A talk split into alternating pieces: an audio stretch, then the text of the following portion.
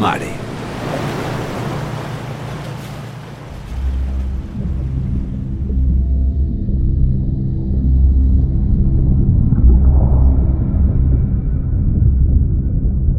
Ozeano Atlantikoa. Sargaztuen itsasoa. Lurrik ukitzen ez duen itsaso misteriotsua.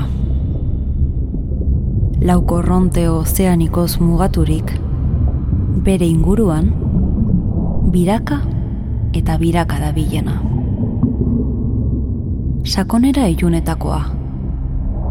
Eta bertan, Bermuden triangelua dagoena. Horixe da, Aristoteles eta Freuden burua ustea eragin zuen espezie enigmatikoaren jaiolekoa. Aingira Europarrari buruz ari gara.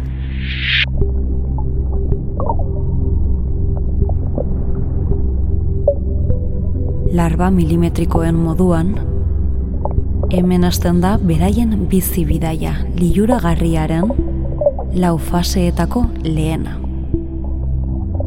Hiru urtez, korronteen ondorioz arrastaka mugituak, Europako kostaldera eramanak izango dira. Beraien lehen metamorfosirantz, angulatan bihurtzera.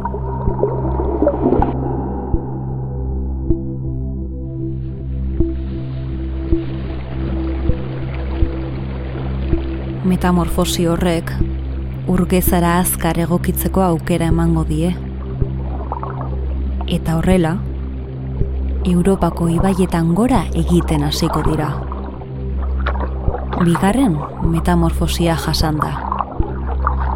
Angulatik, aingira horira. Matraiesur sendoekin. Sugearen antzeko gorputz gihartxu bat, eta armadura moduko ezkata gogorrekin.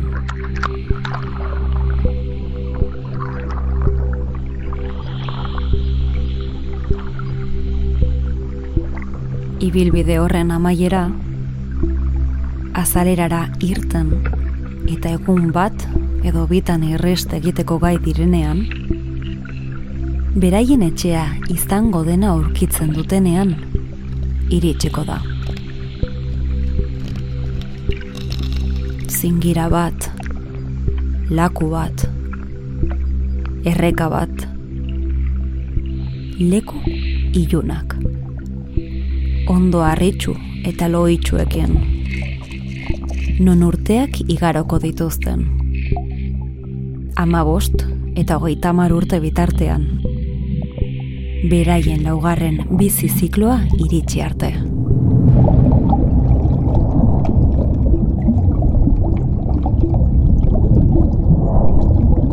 Zilarreztatu egingo dira.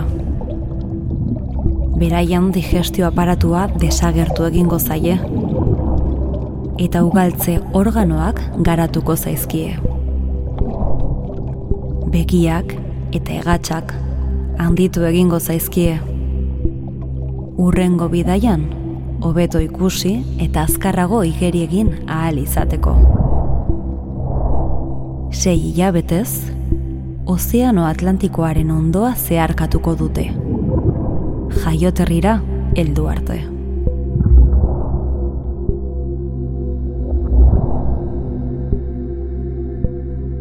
Han, nola orientatzen diren eta digestio aparaturik gabe hainbeste denbora nola irauten duten enigmen ondoren, azken enigma emango da.